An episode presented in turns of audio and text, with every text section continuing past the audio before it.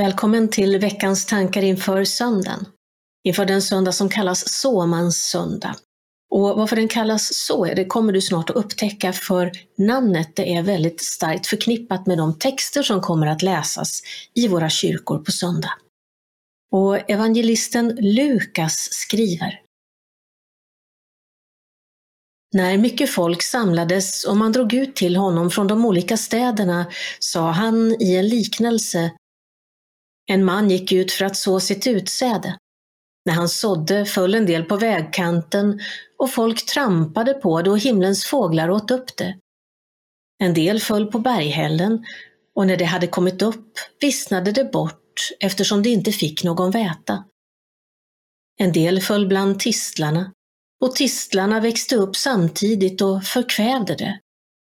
Men en del föll i den goda jorden och det växte och gav hundrafaldig skörd. Sedan ropade han, Hör, du som har öron att höra med. Hans lärjungar frågade honom vad denna liknelse betydde och han svarade, Ni har fått gåvan att lära känna Guds rikes hemligheter. Men de andra får dem som liknelser för att de inte ska se fast de ser och inte förstå fast de hör. Vad liknelsen betyder är detta.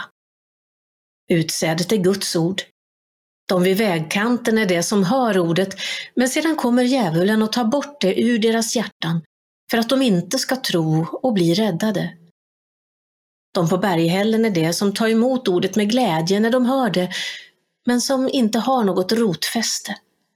De tror en kort tid, men i prövningens stund avfaller det. Det som föll bland tistlarna, det är det som hör ordet men som längre fram kvävs av livets bekymmer, rikedomar och nöjen och aldrig ger mogen skörd. Men det som kommer den goda jorden, det är det som hör ordet och tar vara på det ett gott och rent hjärta och genom uthålligheten bär frukt.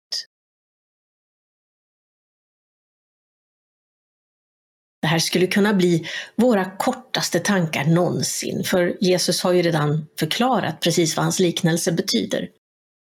Men nej, riktigt så enkelt ska vi inte göra det för oss. Nej, jag tycker att vi istället växlar upp ett varv till och så ställer vi oss själva en svår fråga, en fråga som vi kanske inte alltid vill ha svar på.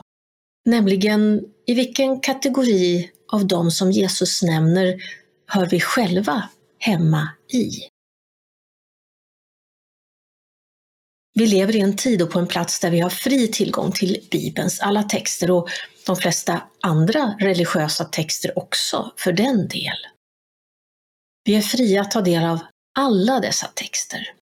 Och många av oss har säkert läst i alla fall några av de stora religionernas religiösa texter. Kanske har vi låtit frön slå rot i oss från några ställen av dessa eller så har vi förkastat allting. Vad vi än har bestämt oss för så är det helt okej. Okay.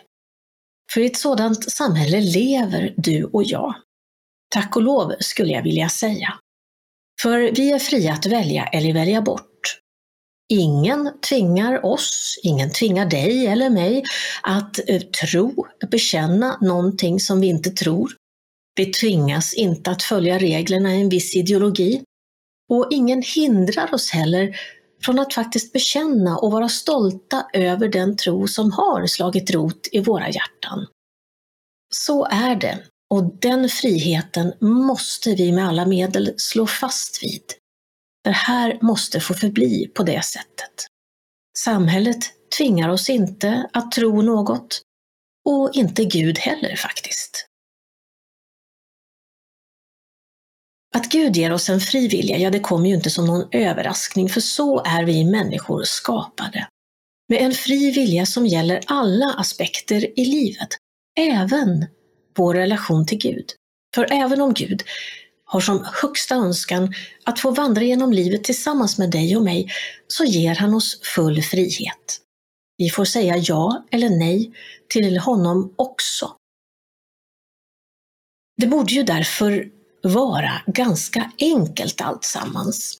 Men för oss som har sagt ja till Gud, för oss som har tagit del av Bibelns texter och faktiskt bekänner Kristus som vår Herre, som Guds son, som vår frälsare, ja då återstår faktiskt en stor utmaning.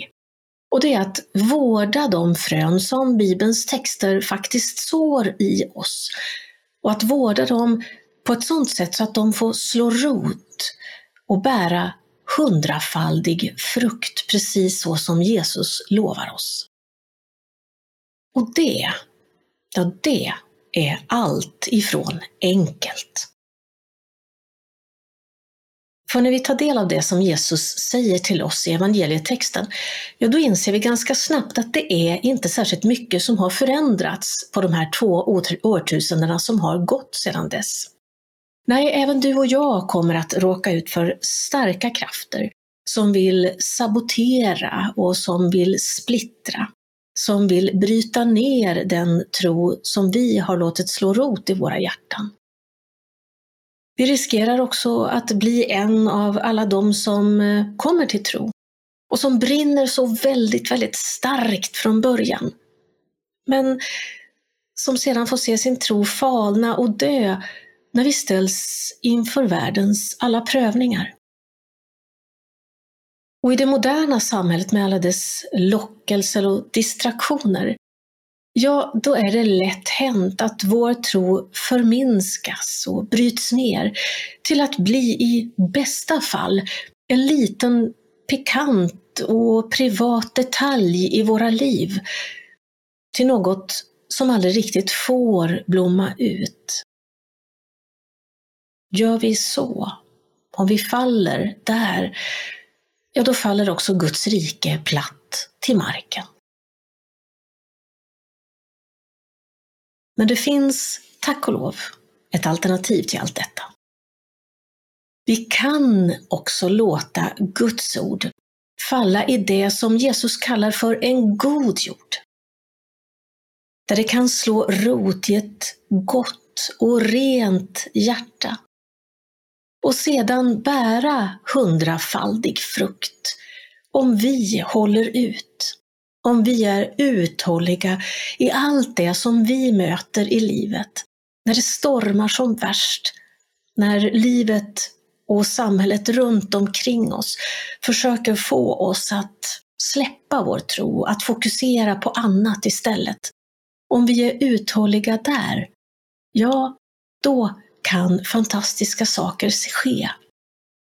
Då kan ordet genom oss bli till välsignelse i en splittrad och skadad värld. Möjligheterna finns där. Fröna är sådda. Och nu är det upp till oss. Gud välsigne dig.